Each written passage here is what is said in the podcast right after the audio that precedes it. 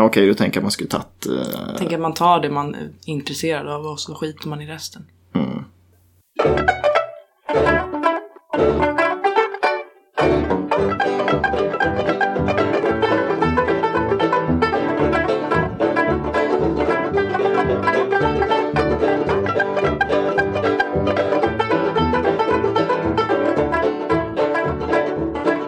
Ja, välkomna tillbaks till Designpodden igen. Ja, Det är ju eh, ja, en fortsättning på förra veckans avsnitt kan man väl säga. det är det väl. Det kan man väl inte bara säga. Det är ju faktiskt Ja, det är, vem pratar vi om då? Då pratar vi om Wägner och han som person. Just det. Och så lovade vi då att idag skulle vi återkomma med ett avsnitt om eh, prylarna. Precis va, och då har vi ju valt, eftersom att vi gillar att sitta, sittmöblerna. Exakt, det, det blev så mycket att börja ta upp ord och sånt där också. Så att vi fokuserar på det som, är, som vi tycker är roligast av hans eh, saker. Precisely. Och eh, precis som vi sa förra gången eh, så använder vi ju en bok som är väldigt bra och heltäckande. eh, Utgiven av Designmuseum Mm. Precis. Danmark. Och den heter, vad? Wägner just one good share. Mm, skriven av en ja, Christian Holmstedt Olesen. Och i den här boken så har man eh, liksom eh, gett exempel på olika familjer av stolar eller liksom typer av stolar som inspirerat Wägner. Precis, så det är ju också en logisk uppdelning som vi tänker följa.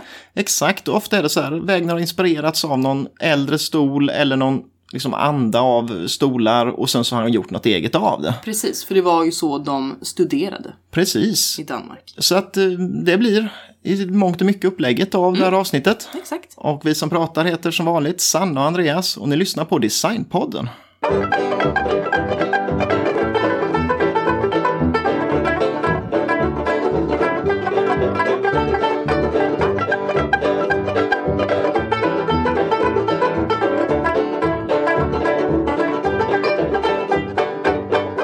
Ja, vi börjar, eller jag börjar helt enkelt med en av de här eh, stolstyperna som har inspirerat Wägner mycket.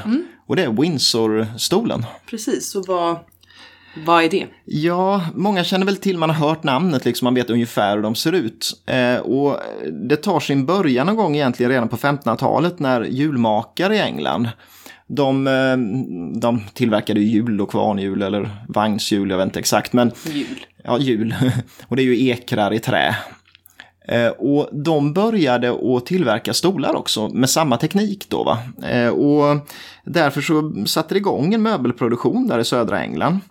Eh, man kan väl säga att, att liksom från början var Windsor-stolarna ofta en, en, liksom en, liksom en kamrygg på dem kan man kalla det. Det var liksom en rak bit längst upp och så var det pinnar nedanför så det ser ut som en kam nästan då, rakt ner. Eh, men sen så på, på 1700-talet så utvecklade man så teknik för formböjt trä och då började man ju göra med det här liksom en böjd båge och sen så pinnar mellan det. Och eh, kännetecknande annars är ju det där att det är en tjock träsits där man har pluggat eller borrat för att göra då så pinnarna kan sitta fast i.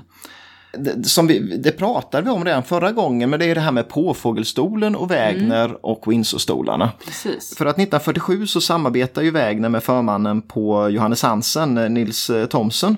Och de tar fram påfågelstolen, Peacock Chair. Och den är ju en form av utveckling av eh, Windsor-stolen egentligen. För att det- det är just det här formböjda bågen i ryggen, pinnar i ryggen. Men sen så gör ju Wägner något eget av det. Varför det blir ju... Eh, han har ju tydligen inspirerats också av såna här asiatiska rottingmöbler. Just den här lite att man är innesluten i en jättestor rygg och sådär. Va? Men det är ju en typ av, av Windsor-stol. Och orsaken till att Wägner just inspirerades av, av Windsor-stolarna var nog bland annat just en stol som fanns i Designmuseets eh, samlingar som inköpt för att använda som studieobjekt. Stolen var från 1850-talet ungefär. Och ehm, det Wägner såg med Windsor-stolarna att det var ju mycket funkis över dem egentligen. För att de var så här, mm, tanken var att det skulle vara hållbart, inte så mycket krusiduller och detaljer. Och eh, man såg ju hela konstruktionen, man såg direkt hur den var gjord när man tittade på den.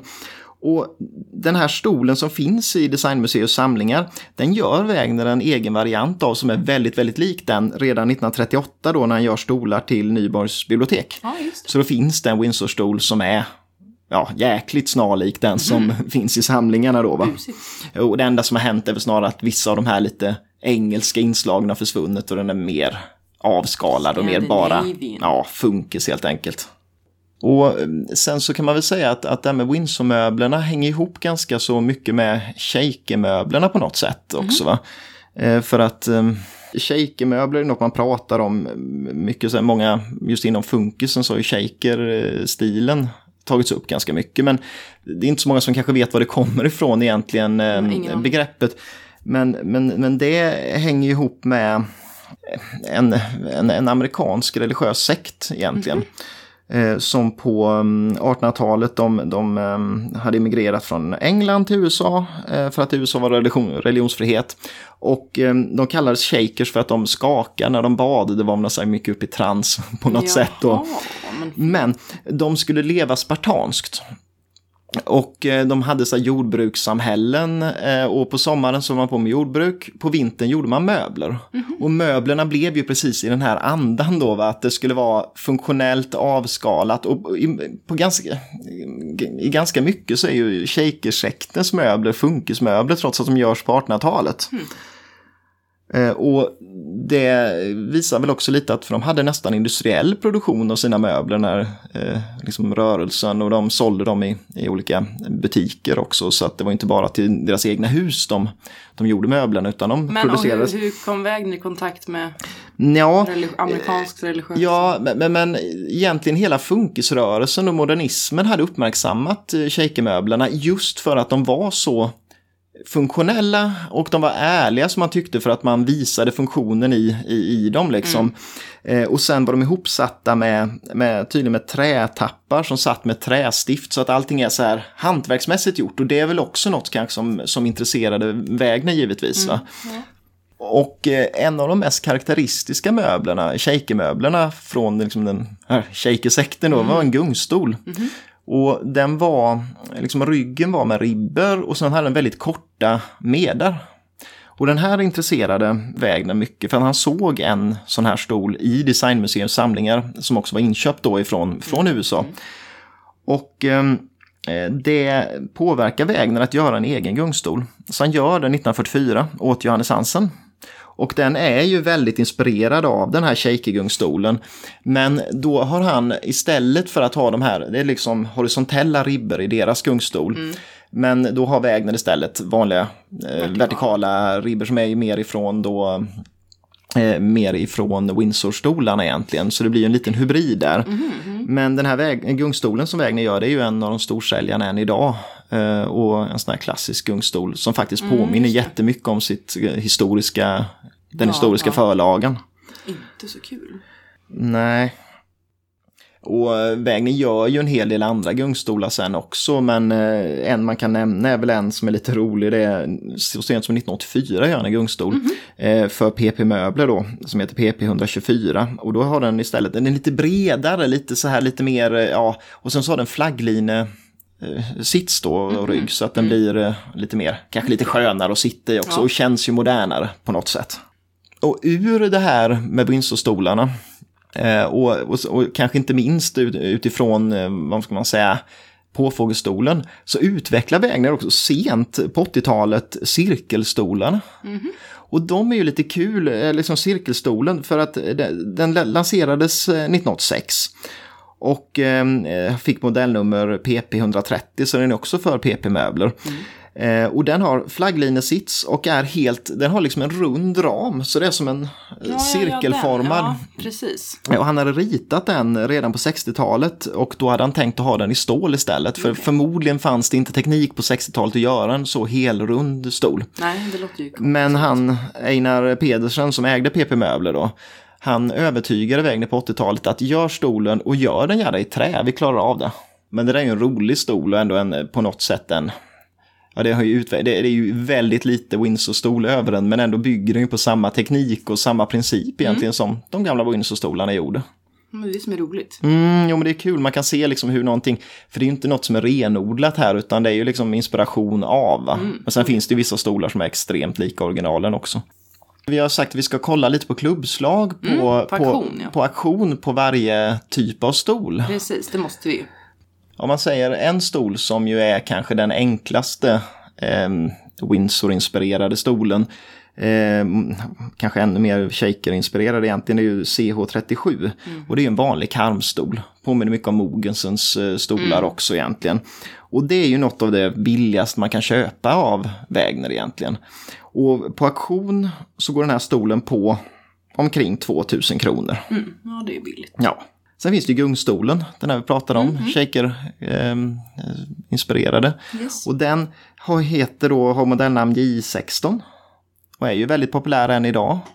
Beroende på utförande lite, ungefär 5000 kronor får man ge för den. Mm, ja, så det är inte så jättedyrt. Mycket. Men gungstolar är ju inte något jättepopulär möbel mm. idag. Va? Så att det, den, eh, ja, den är ju fortfarande, den går att sälja liksom.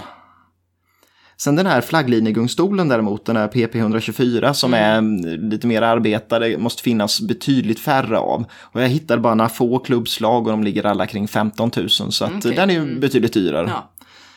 Och sen cirkelstolen då, den här PP130 mm. som är en liksom lite mer, nästan lite, ja men det är ju jättekonstigt, alltså den sticker ju ut så rejält alltså. Eh, och den har sålts eh, av och till då. Och klubbslagen är mellan 20 och 30 000 på den. Mm. Så har vi då påfågelstolen. Ja. Och den var ju ett exempel, ett ganska tidigt egentligen på Wägners eh, liksom Windsor-inspirerade stolar. Mm. Och den dyker ju upp på auktion av och till. Och oh ja. är ju väldigt populär. Och där beror ju priset lite på om det är PP Möblers stol. Det är de som har eh, liksom, licensen idag. Eller om det är Johannes Hansens, deras ursprungliga mm. stol. Och där kan man väl säga att det är ju naturligtvis dyrare om det är Johannes Hansen, men jag tycker det skiljer mindre än vad jag trodde det skulle göra. Okay. Så det är en ganska marginell skillnad. Men en standardstol från PP Möbler eh, i okej okay skick går ju mellan 15 och 25 000. Och det dyraste jag hittade eh, där som faktiskt var också PP Möbler, det var 35 000 i massiv ask. Eh, så att det hade dratt iväg av någon anledning ja. där. Eh, Johannes Hansen, där är det ju i, liksom, liksom i det här högre spannet ändå. Men jag hittade internationellt på Pierre Berger hade sålts eh, en stol för 140 000. Oj, så det var det högsta på en, på en påfågel som jag mm. hittade där i alla fall. Ja, okay.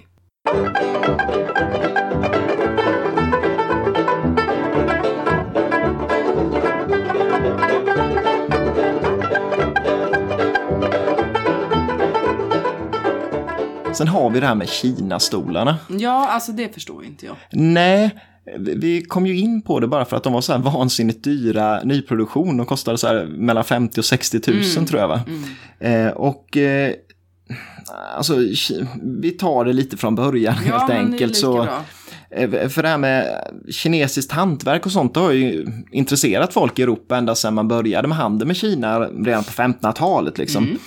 Och på 1700-talet Ja, då förekom det bland annat bambumöbler som blev väldigt populärt så det kom in i liksom den eh, skandinaviska, eller liksom europeiska möbeldesignen eh, med bambumöbler.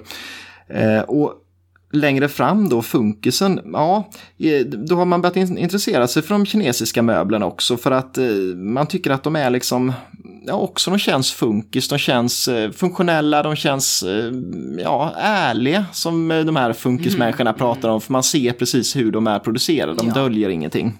Och 1934 redan gör faktiskt Arne Jacobsen en Kina-inspirerad stol åt Fritz Hansen. Mm. Så det är väldigt tidigt. Men Designmuseet köper in en Kina-stol 1937 och det är väl den egentligen som Wägner kommer att studera. Och eh, det han ser direkt är att den har inga skruvar och inget lim utan hela stolen är liksom, den håller ihop sig själv genom hur den är konstruerad. Ja, det är coolt. Och det är ju en, ja, coolt och lite funkis också på något sätt då. Och det, det mynnar ut i att han 1944 gör han en Kina-stol för Johannes Hansen. Och den baseras mycket på den stolen som eh, Designmuseet har köpt in. Eh, det han ändrar främst är väl egentligen i benställningen som är mer, alltså på ursprungliga stolen då är det ju så här lite Kina, som man tänker sig Kina-möbel liksom. Vad lätt det var. Nej men lite klumpigare. Ja, jag vet, men jag har ju sett bilden. Ja, klumpigare, rätt kvadratiskt och så va, medan Wägner gör en, eh, liksom en, en eh, klassisk Wägner-fot av det hela istället. Mm. Men eh, det är ju inte den här stolen som han gör för Johannes Hansen som kommer att bli liksom, tänkt som Wägners eh, Kina-stol egentligen. Va? Utan det är ju, eh, det beror mycket på att eh, Fritz Hansen, eh, som ju är mest känd egentligen för Arne Jacobsens möbler och äggfåtöljen och det här. Va? Men mm. de kontaktade Wägner eh, mot slutet av andra världskriget. Och de ville att han skulle göra en, en stol som byggde på formböjda element. För att Fritz Hansen hade gjort en egen variant av turnéstolen mm. som de kallade Dan Chair eller något sånt där. Eh, men de hade upplevt att det var ett problem för det krävdes väldigt långa stycken formböjt trä. Och de ville att någon skulle göra någon stol då som var, det krävdes mindre bitar som var lättare att producera. Och det var därför de kontaktade Wägner. Och tanken var alltså från början på något sätt att den här Kina-stolen skulle bli en massproducerad kaféstol. Men det är ju inte riktigt så det blir då. Utan Wägner börjar jobba med det här och han har sett en bild på en annan Kina-stol i Olle Wanchers bok Furniture Types som hade kommit ut 1932. Och den påminner ju inte riktigt om den här andra Kina-stolen utan den har mer svängd rygg och, och så då va. Mm. Och han börjar liksom jobba med en Kina-stol för Fritz Hansen. Och egentligen, om sanningen ska fram, börjar han jobba med fyra stolar. Och den första stolen, det är den stolen som man, man kallar den stol nummer ett. Och det är den man tänker på idag om man tänker Kina-stolen, för det är den som produceras av Fritz Hansen idag. Mm. Och den fick modell, modellnummer 4283. Sen gör han, tycker han att den stolen är lite för mycket så här klassiserande, det är för mycket en kopia av en Kina-stol. Så han vill utveckla den och göra den till någonting nytt. Eh, så då gör han nummer två och nummer tre som är lite, lite förändrade. De här stolarna blir aldrig, aldrig producerade och det finns bara något exemplar liksom mm. Eh, kvar som prototyper. Men sen kommer Kina-stol nummer fyra och det är ju egentligen samma år eller året efter så att det är ju under samma period han gör det. Men den, den kom Fritz Hansen att producera eh, och då hade den modellnummer 1783 istället. Och det som skiljer den lite är att ryggen är inte riktigt lika mycket det här kinesiska böjen, alltså det, det, den är lite mer funkis. Och sen sitsen istället för den här eh, det, det, är en lös skinndyna ofta på, på den här första Kinastolen, så är den en flätad sits. Mm. Och då blir det en mer så dansk design mm, av den. Verkligen.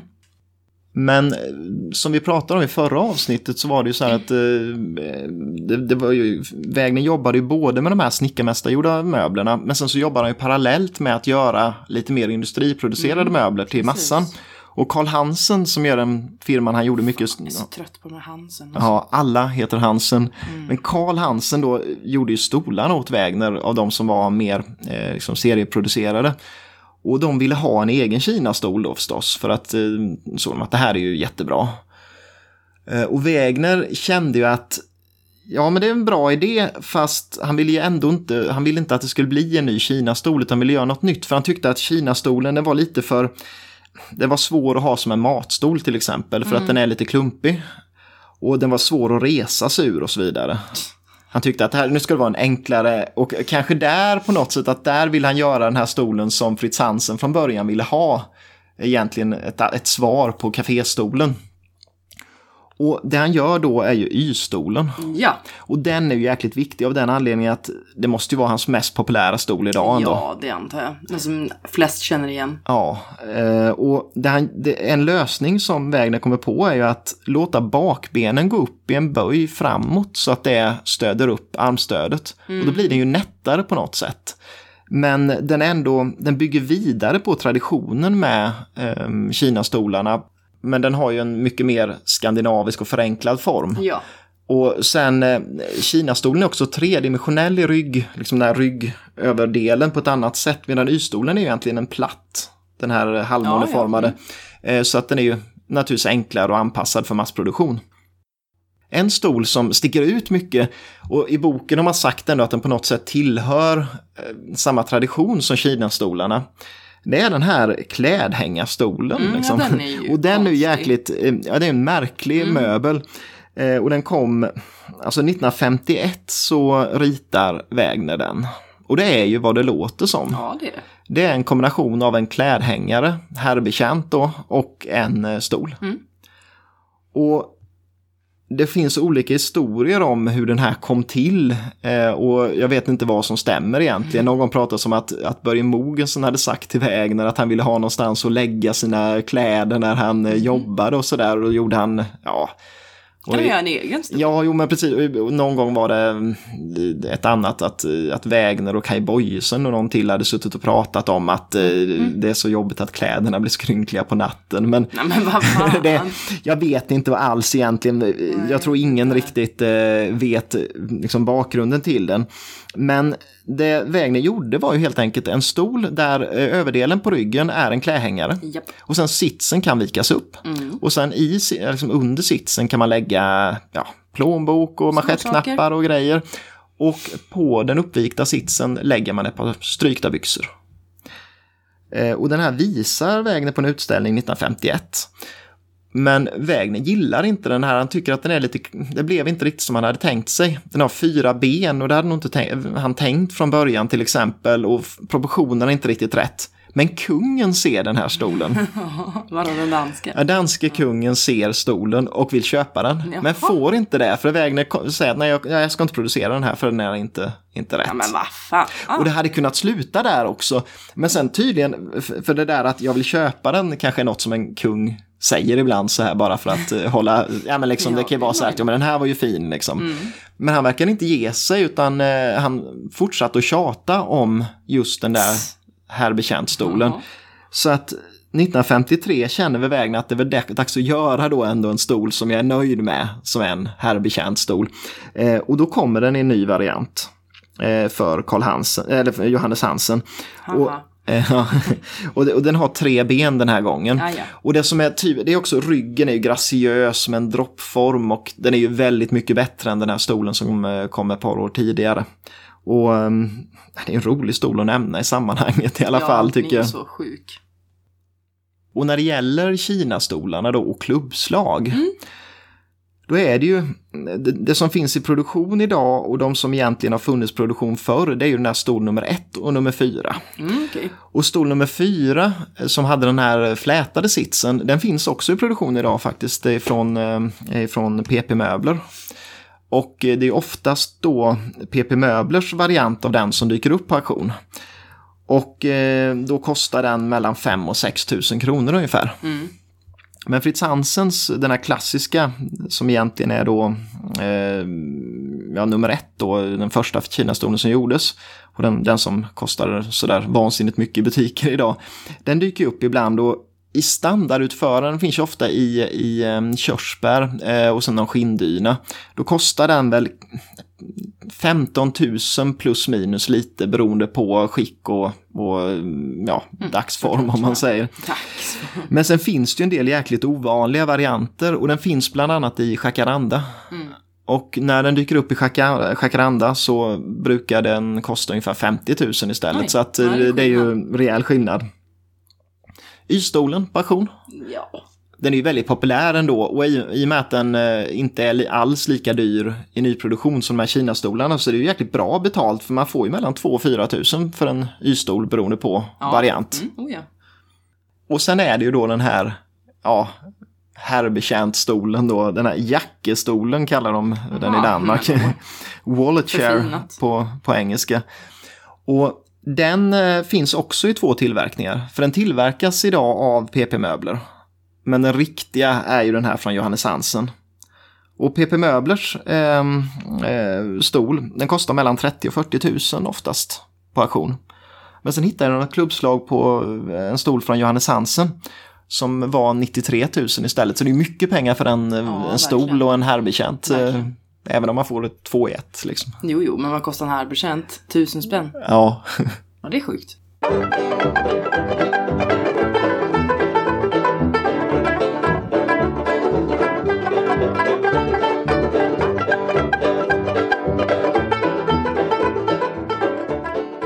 Nu ska jag prata lite om de rundade stolarna. ja, Och då menar vi alltså ryggen. rund rygg. Precis, och det, ja, men kännetecknet är ju då faktiskt att de saknar vertikala ryggar. Mm. Utan bara en, De har bara den där runda. bara en horisontell Mm. rygg. Som böjs fram och även blir armstöden. Ja. Mm. Och de anses ju vara lite mer förfinade än dina tidigare varianter. Jo, men precis. Och den har faktiskt sin grund i, i en antik stol. Som tydligen heter Klismos stol. Jaha. Och den, den har ju också funnits innan i, i turné, Turnés Factory så att säga. För de har ju också den där. Just de har en som har den, lite den formen. Precis, så det, det har ju funnits innan själva tanken. Men han kommer ju att göra en even better som vanligt. Den eh, mest populära är ju då såklart The Chair. Ja. Eller bara Round Chair som han själv kallar den. Ja. Och den är ju helt designad efter funktion. Och han ska tydligen ha sagt, nu var det ju ett engelskt citat i den här boken, men att your rare end needs room, alltså att röven måste få plats. och det, det är så jävla sant ju. Och det, för det finns ju ingenting som stoppar. Nej, just det. Det är ju bara öppet rakt Ja, bak. så man kan ju ha hur stor stjärt man vill va. Och det tycker jag är trevligt. Och så är det ju att ryggstödet är precis i den höjden att ryggen får eh, den perfekta hållningen. Det kan jag behöva. Ja, men eller hur? Den köper vi en åt dig så du kan. Ja.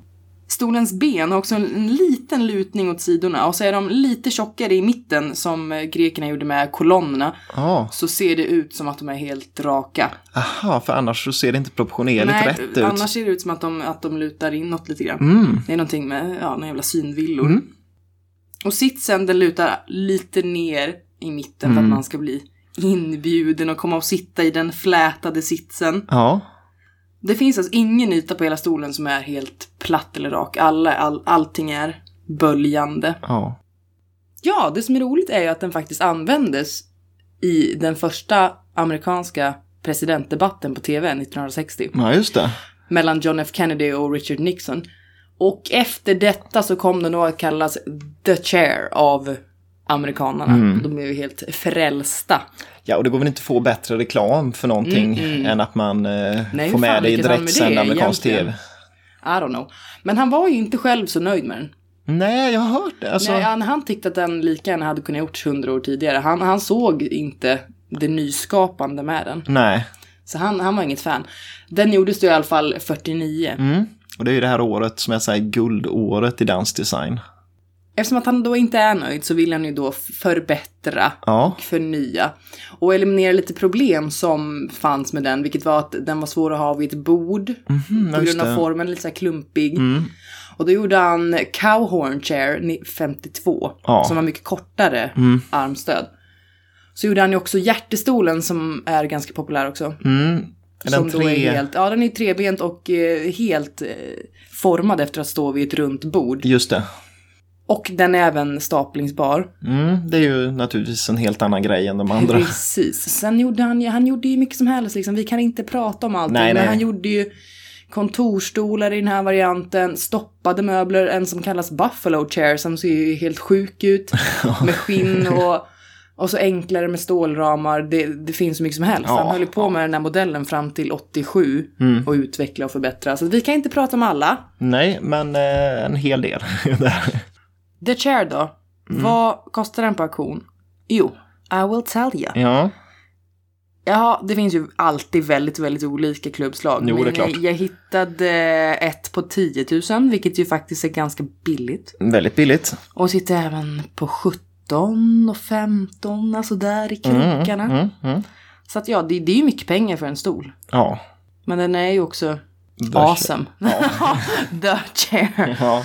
Och den här cowhorn chair, den är inte så vanlig. Nej, den har blivit väldigt populär Mm. ju.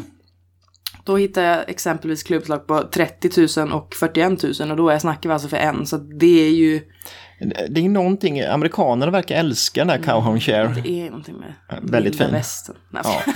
ja, det är det som det handlar om sen. Nej, nu ska vi inte gå in på det. Nej. Och hjärtestolen då? Ja. Då får man faktiskt fyra stycken för 10 000. Eller två stycken för 6 000. Mm. Så det är absolut mindre. Men då vill man ju också ha, gärna ha bordet. Ja, så då vill man ha en hel grupp och då blir det Precis, jättedyrt. Och då, ändå. då är det något helt annat ja. En kontorstol då med samma, med samma feeling, JH502, det tycker jag ni ska googla för den, den är ju verkligen skitcool Det är och den- snygg. Det där med metallfot och sen så Ja. går det upp... Eh, mm. Precis, alltså den är ju så häftig och den, där hittar jag så sjukligt olika klubbslag. Ett på 22 000 Mm. och så hittade jag ett på 95 000. Mm. Det är ju en djävulsk skillnad. Nej, men den är ju Jätterolig. Man kan ju inte ha mycket bättre kontor, eller liksom bättre kan man säkert ha, men inte mycket kaxigare Nej, kan man verkligen inte ha. inte. Så det är antagligen därför. Så jag ska ta lite snabbt om någonting som de i boken kallade för Spanish Conference Chair. Jaha. Och det var alltså att han, ja, men han studerade på designmuseum, bla bla bla, det har vi sagt tusen gånger. Men då såg han då en gammal spansk stol från 1700-talet. Som hade bara sträckt läder som sits. Ingenting, ingen träram, ingenting. Har spänt mellan så. Precis, så det, det tyckte han var fascinerande. Så han gjorde en liten variant till eh, Århus rådhus. Århus rådhus, skitsamma. det har vi redan pratat om också.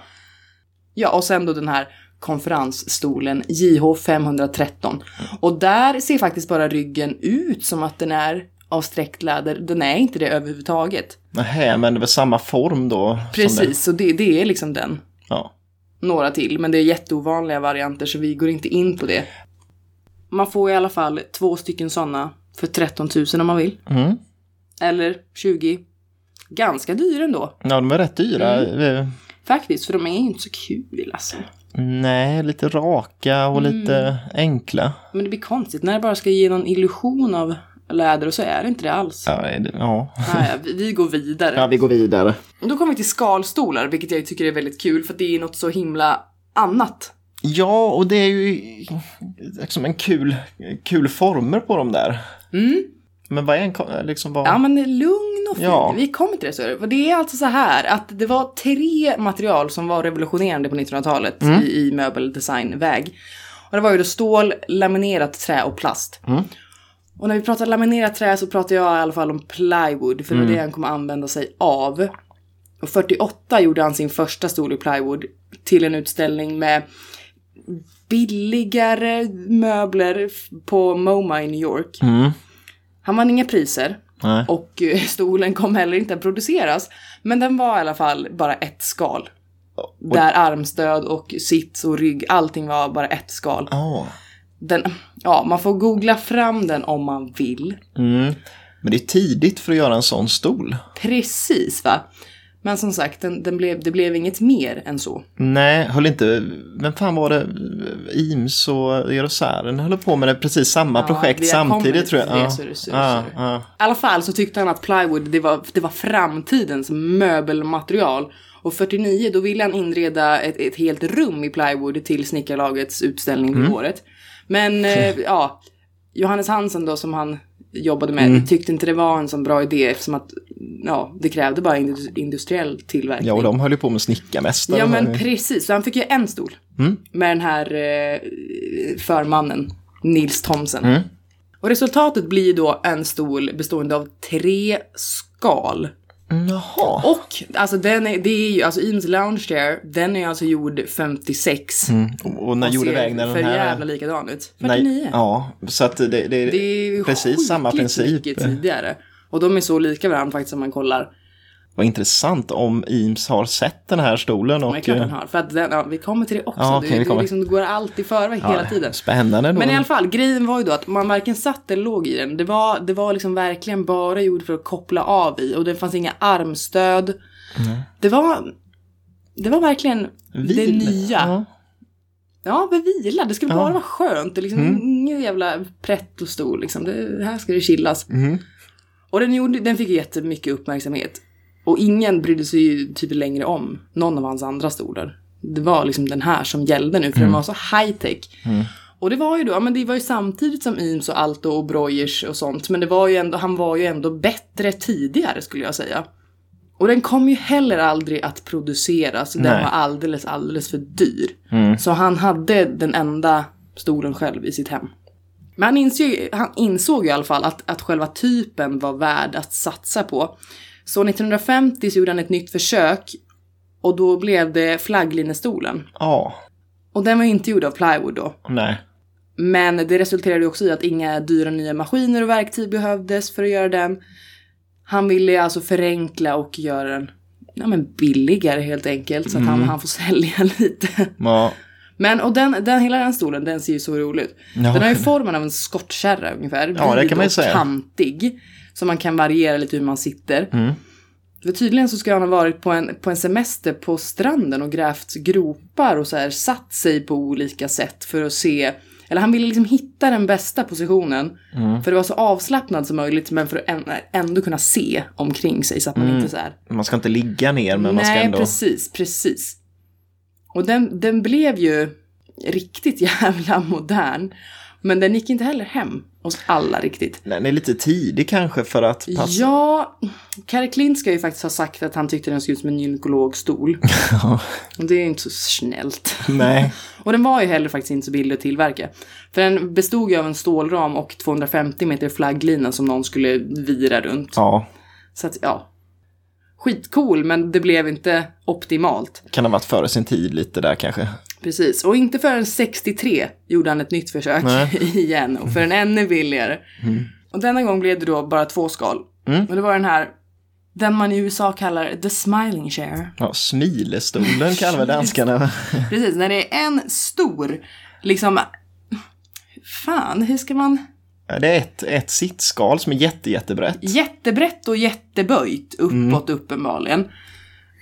Den är ju liksom bänkbred. Mm. Verkligen. Och den sålde inte heller så bra. Den var, den var också så här, man bara, vad fan, vad är det liksom? Så det var ju inte förrän flera år efteråt eh, när Carl Hansen tog upp produktionen som den kom att uppskattas. Och idag är den ju väldigt populär. Ja, Just för istället. att den ser så himla...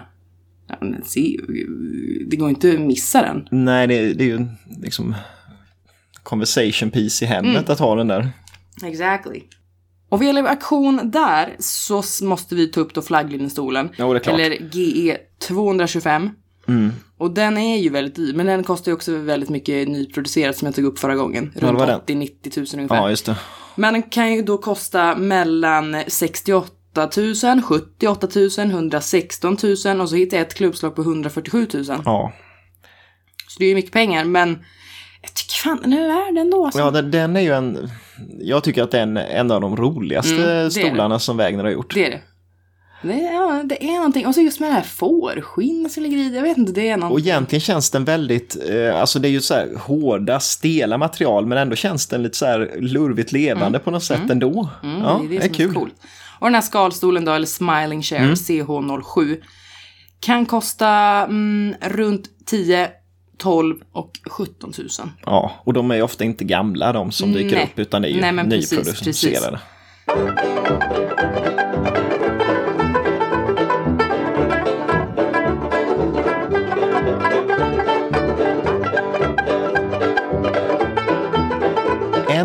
Typ av stol jag tror ofta man tänker på med Wägner det är ju fällstolarna eller klappstolarna. Jag vet inte riktigt Mm. vad jag ska kalla det men man förstår principen. Det är att de går att fälla ihop. Ja. Lite som en klassisk sån här trädgårdsstol nästan. Ja. Eh, men det, det tog väl lite sitt avstamp redan på 20-talet med att modernisterna tyckte att det här stora stoppade tjocka möbler, det ska man inte hålla på med. Utan eh, man ska ha, liksom, eh, ja men man ska se hur stolen är gjord och den ska vara enkel och smal. Och då gjorde de, alltså bland annat den här Ludwig Mies van der Rohe gjorde ju Barcelona 1929. Och den ser ju ut som en klappstol, Ja, men ja. är inte en klappstol. Nej, så egentligen är den väl inte så ärlig då på det sättet. Eller hur? It's a lie. Eh, men eh, det- det hade ju också på något sätt eh, ett ursprung i att man eh, på 20-30-talet, det var just det här, relaxed var ju något som funktionalisterna tyckte det skulle vara. Man skulle ligga, man skulle eh, sitta där i sin stol och ta det lugnt då. Och eh, Klint han hade inspirerats mycket av Atlantångarna. Han hade sett de här däckstolarna på de stora Atlantångarna. Och så gjorde han ju en däckstol som eh, blev väldigt banbrytande. Och hans strävan var att kunna få den så platt som möjligt när man fällde ihop den. Och Wägner hade väl kikat naturligtvis både på Barcelonan och på Kari Klints eh, eh, möbler. När han 1946 var med i en tävling som var någonting att man skulle göra möbler till, ett, eh, till en man, eller till ett manligt rum då. Och han och Mogensen var med bland annat. Och då ritade Wägner The Fireplace Chair. Jag trodde det var gubbrum. Men... Ja, gu- gubbrummsstol då. Men där ja, använder han lite formerna i Barcelona. Men istället för att det ska vara liksom utböjda ben åt båda håll så, så gör han dem eh, liksom så att det går att fälla ihop den till en klappstol istället. Och han, han väljer ju att inte använda stål utan han använder trä.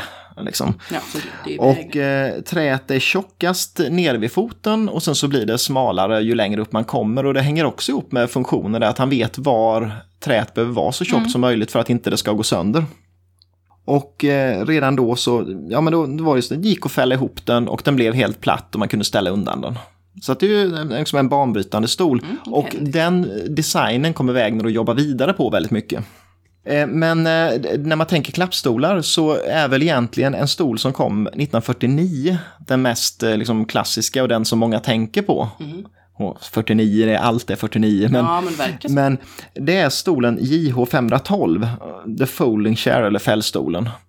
Eh, Och den ritades ju då för Johannes Hansen och den har flätad eh, sits i rotting och ryggen i rotting också. Och den har liksom som små handtag fram nästan vid sitsen. För man ska kunna gripa tag där. Och det Wägner gör också det är att han gör den hängbar på väggen. Eh, för att den här trä, eh, alltså tvärslån mellan eh, benen, den har en liten urgröpning eller vad man ska säga. Och då finns det en tillhörande krok som man har på väggen, ska man hänga upp den där. Och den inspirationen hade han fått från den där shejkesekten, för tydligen kunde de hänga upp alla sina möbler på väggen då för att ha golven det inte- fria. Det finns väl ingen anledning? Jag vet inte det är väl, nej. Nej, det tycker jag låter bullshit. Det var hela tanken där i alla fall, man ska kunna hänga undan den. Köper man en dyr väg. man ställer det väl den i en jävla garderob. Ja. Vad fan hänger på väggen? Han Nej. tänkte så i alla fall. Ja, ja, ja, ja. Eh, Men sen den här fällstolen då, eh, JH 512, den har ju inga armstöd. Och sen hade Wägner tydligen funderat sen att egentligen är det jävligt fånigt att inte ha armstöd. Man vill ha armstöd. Jaha. Så han vidareutvecklade den redan året efter. Så att eh, 1950 kommer JH 510. Och den har kommit att kallas Dolphin Chair. Och grejen är att bakbenen fortsätter fram igen och bildar ett liksom neråtsvängt armstöd. Så att den är fortfarande fällbar, men i profil ser den ut lite då som har folk tyckt som en, en dykande delfin som dyker ner i vågorna. Och eh, den har också fått krokar eller liksom en krokformad träbit längst upp i ryggen så man kan hänga på en ryggkudde. Jag tror du skulle säga på väggen. Nej, nej då. Men, mm, Eh, och, och den här eh, Dolphin den gjordes i en längre variant också så det blir en ren liggstol liksom. Mm. Eh, och då, ja, verkligen så här lugnt, mm, relaxed i, i lyxvariant. JH511 hette den. Och, och den har ju då frambenen är, då var ju frambenen tvungna att vara liksom separata, ett eh, separat benpar långt fram. Men då byggde Wägner någon konstruktion i den här så att det finns ett tvärslå som gör att när man fäller ihop den så fälls benen automatiskt in fram. Så att det är ju Ah, jäkligt funktionellt och extremt snyggt gjort. Och sen av någon anledning så gör Wägner också året efter en, en Dolphin Chair som inte är ihopfällbar. Och jag vet inte riktigt varför. Egentligen är inte den, tycker inte jag, lika snygg heller. Så att, ja, fick väl för sig det. Men de här fällstolarna, de, de, eh, de mynnar ju ut sen också i massproducerade stolar som mycket av de här andra stolmodellerna gör. Och eh, 1950 så, så görs det en, eh, en industriproducerad variant kan man väl säga för Carl Hansen. Den påminner ju om eh, den här, urspr- liksom den här första fällstolen, fast den är inte ihopfällbar just, utan då är det en stel konstruktion. Men formspråket är ungefär detsamma. Och den dyker upp ganska ofta på auktion faktiskt. Och den är, det märks att den är lite mer lågbudget. Den har Eh, liksom sitsen är inte i rotting utan i det här papperssnöre som Wägner ofta använder sig av i de billigare varianterna. Som är som snöre i någon pappersmassa. Och den får en uppföljare också året efter, CH27, som är en lite mer lyxvariant. Den har, den är, trots att den är industri, industriproducerad så har den rotting sits istället och så, så att den är lite dyrare. Men inte heller den är hopfällbar. Priserna på auktion på fällstolarna är ju jäkligt intressanta då. För att om man kollar på de här, ja, de, som CH25 där, den här eh, eh, som är vanligast på auktion, som är liksom, ja, Karl Hansens eh, svar på eh, Johannes Hansens snickarmästargjorda stol. Då kan man ju få den ganska rimligt eh, på auktion, mellan 8 och 15 000 beroende på, på skicket. Och den här lite lyxvarianten av den som faktiskt har rotting sits, den är inte mycket dyrare den. Ibland har den gått uppåt 20 000 men lika gärna 15. Men sen den här folding chairen, eller den som verkligen går att fälla ihop, eh, som, ehm, hänga på eh, väggen. eh, som att hänga på väggen. Ja. Den tillverkas idag av PP-möbler, men tidigare då av Johannes Hansen. Och där påverkar ju eh, det givetvis hur mycket den kostar. PP-möblers variant, ja, 20 000 plus minus ett antal tusenlappar. Johannes Hansens variant får man ju ge 30-35 000 för, så att den är lite dyrare naturligtvis. Men sen då, Dolphin Share. Mm. de är ju då de här riktigt bizarra klubbslagen på. För eh, modell 510 som är den här korta utan, eh, liksom, som inte är en liggstol. Nej, det finns ett klubbslag i Danmark på den på 270 000 kronor. Mm. Eh, det finns ett klubbslag i New York på 680 000 kronor på den. Oh, that is crazy. Och så kommer vi till den långa varianten då. Eh, det finns väldigt få försäljningar av den överhuvudtaget, men jag hittade ett eh, klubbslag i USA på den. Och den gick på 870 000 kronor, så att det är, jag tror det var det näst högsta klubbslaget på vägen överhuvudtaget. Mm, du hittade något som var ännu högre? Jag hittade någonting, det var en prototyp bara, men, men inget mm, serieproducerat som är... Väldigt... Mm, så att 870 000 kronor för en, en liggstol. Ja, det är bra pengar. Var det var på beachen. Mm. Sen tänkte jag bara köra kort om sågbockstolarna. För de, de påminner ju lite om, eh, om klappstolarna egentligen.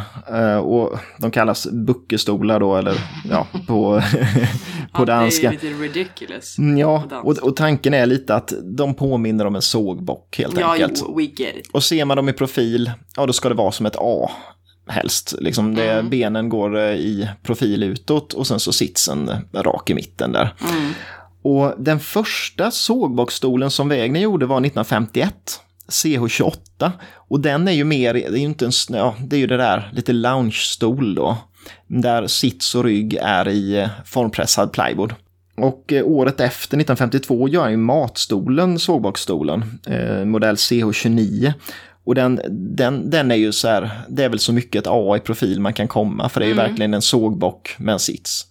Och den består bara av nio delar. Och Wägner fascinerar sig mycket över det där att den, man behöver inte ha så mycket, det blir en så himla liksom, hållbar konstruktion det där på grund av den där eh, liksom, sågboxformen. Varför det kan vara värt att nämna sågbockstolarna också, det är väl att många av de här vanliga fåtöljerna som Wägner gjorde sen för Getama bland annat, de är ju, liksom, de har byggt vidare på den traditionen i med, en, en, även om de inte är kanske de här klassiska sågboxformerna på. Va? Eh, för att 1951 så gjorde Wägner en, en fåtölj för eh, Johannes Hansen då som hette JH 517 och den har ju med det här hur ska man förklara den? Den liksom, det är stoppad sits och rygg, men det är lite så här avformad ändå i profilen. Och den gör han sen en mer massproducerad eh, vidareutveckling av för Gitama som man kallar cigarren idag. Och det är väl den jag tycker vi ser oftast på auktion. Mm. Den har liksom cigarrformade armstöd. Och eh, det som skiljer eh, liksom Gitamas variant åt är att den har ju lösa dyner, för de gjorde ju bara i lös, lösa dyner. Men, men det är väl kanske det som många har sett av Wägners grejer, just cigarren-modellen. Och ja, det är väl det man kan ha om, om, om, om sågboxstolarna.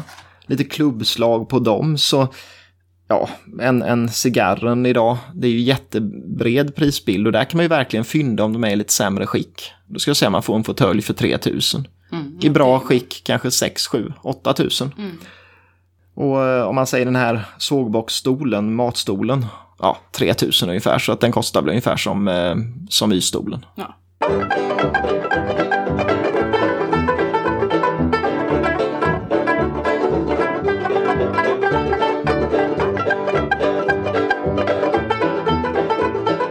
Sista av allt vi ska ta upp idag är då lite om de stoppade möblerna, eller ja, ja. fåtöljer då. Eftersom ja. skiter i resten. Mm. Och det, stoppade möbler passar ju absolut inte in i den här modernistiska funkisandan. Men de gillade väl inte det va? Nej, det, var ju ohygieniskt med all stoppning och så, som vi lärde oss i Brun Mattsson-avsnittet. Ja, just det. Men eh, Wägners lösning på detta var i alla fall då att ändå göra en, eh, en öppen konstruktion och väldigt tunn. Mm. Det var, ja men väldigt skulpturalt. Ja, men, ja, nej men det är ju jävligt bra ändå. Jag gillar det som fan. Och ett exempel är ju Papa Bear eller Bams-stolen som den bara heter va? Ja, precis. Den är också gjord 51 som fucking allting annat. Alltså vad gjorde han? Gjorde han något annat mellan 49 och typ 53 liksom? Än att rita stolar varje dag. Nej, han måste ju ha suttit varje dag för att det är ju... Det verkar så. Och jävla bra grejer också hela tiden. Verkligen. Men den är i alla fall väldigt tunn stoppning och Mm. armstöden är ju lösgjorda från resten och liksom går ju ut. Och, Mm. och, ja, det var någon som hade tyckt att det ser ut som att få en, en björnkram. Mm, och det är därför den... Vet inte helt om jag håller med. Men i alla fall, den, den ser ju väldigt estetiskt bra ut. Mm. Och den tillåter att man sitter i lite olika positioner, vilket är väldigt återkommande i alla de här fåtöljerna. Ja. Under 60-talet så gjorde han många stoppade möbler, men eh, min personliga favvo Mm. är ju då Ox Chair. Såklart. Och den, ja, den ser ju ut som en oxe. Det Ja. är ju, överst går det ju som liksom stora jävla oxhorn. Mm. Och så en ganska eh, grofsig kropp. Och så är det på väldigt tunna stålben. Så det är lite Ja, det är det som är... Den svävar Mm. liksom i den här, trots att det är en grov konstruktion så svävar den på den här tunna metallen. Precis, och den är faktiskt en av Wagners personliga favoriter också att sitta och chilla i hemma. Mm. För då kan man också sitta lite som man vill och man kan ha benet lite över kanten och ja men det är, det är ju fantastiskt faktiskt. Mm. Andra exempel är eh, Oculus och Wing Chair som Mm. gjordes också på 60-talet. Och vad får man då betala för en Bamsestol på auktion? Det, är- det är ganska mycket. Mm. Ehm, 40 000, 60 000 och 73 000 hittar jag Mm. lite klubbslag på. Den heter i alla fall AP19. Oxchair, my favorite, jag måste ha en i livet. Eller EJ100. Billigare faktiskt. Eh, Jag hittade lite olika beroende på textil och skinn och så. Men 26 000 i textil, 36 000, 46 000 upp. Men det var mycket sexor i de där klubbslagen. Men Ja, eh, ja, ja. varierat. Mm. Oculus chair, den kan man googla för jag orkar inte riktigt beskriva mer Men den former. är, de nämnde det att den är en vidareutveckling lite av eh, egentligen Peacock Share och så. Den är ju rund Ja, det är liksom, absolut. Den är fast den är mycket mer helstoppad då istället. Ja, det är faktiskt sant. Ja, det var Så en det- bra beskrivning. Den eh, går på mellan 18 och 20 ungefär. Det är inte så. Och sen Wingchair är också ganska poppis. Och ja, man får googla den med. Men det är ju liksom bara. Det är bara en sits som liksom, ja, går ut lite i vingar på sidorna. Ja. Den är inte jättekul Nej, om man jämför med resten. Och inte heller så jävla dyr faktiskt. nej. Jag hittade olika klubbslag på 13 och 15 och 18 000 och sånt. Mm. Så att det är inte mer än så. Nej. Och därmed har vi med två avsnitt Mm. eh, sammanfattat lite det vi tycker är roligast med eh, Hans J. Wägner. Ja, och tänk ändå hur mycket vi inte har tagit upp. Ja. Fast vi har snackat om honom i två avsnitt. Men vad var det, 3500 möbelritningar han Ja, har med och så vidare. Eh, Men om man säger en liten ja, sammanfattning, du tycker att... eh, ja, Alltså Oxchair är ju min absoluta favorit. Ja, Det är så jävla bra. och jag kan väl tycka att ja, den är ju jäkligt bra. Sen Mm. är ju... Alltså de här Dolphin shares, sen när man ser Men det dem... var varför det är Nej, dyrast. bara för att de är dyra, men när man ser dem i profil, men ser man dem i profil så är de så, det, det känns som en levande organism på något sätt. Liksom. De är Ja, ja, ja. extremt speciella, äh, men eh, det måste ju vara någonting av så mycket du kan dra hantverksskickligheten i, Mm, jo, i eh, väl. Det är väl snickeriet. det. Och det, jag kan inte tänka mig att det tillverkades många, för de var säkert svindyra när de kom också. Antagligen. Men eh, ja, läs vidare och googla framförallt. Ja, jag ja. upptäckte, för det är, det, här, det är svårt att prata om, om möbler när ingen ser dem. Mm, men googla på det för att det finns mycket himla kul grejer ju. Och Ja, vi kan herregud. försöka lägga upp lite bilder på Instagram också där. Absolut. Eh, och eh, där är slut på veckans avsnitt. Ja. Nästa vecka, vi har inte bestämt vad det kommer handla Jag ska om. faktiskt erkänna att det har vi inte. Vi har inte funderat på det överhuvudtaget. Jag antar att det blir en gubbe till. Men kan vi försöka undvika en gubbe till? Det kan vi nog inte. Nej, Men vi kan försöka. Ja. Eh, och eh, annars så, ja, följ oss på Instagram så kanske vi kan visa en bild på Men eh, två. o- både Oxshare och på ja. Dolphin där. Mm, eh, och skicka ett mail om man har några synpunkter på någonting. Mm, eller idéer. Ja, Designpodden gmail.com. yes, och eh, annars så hoppas jag att vi hörs igen nästa vecka där. Oh ja, Ha det bra! tack hej.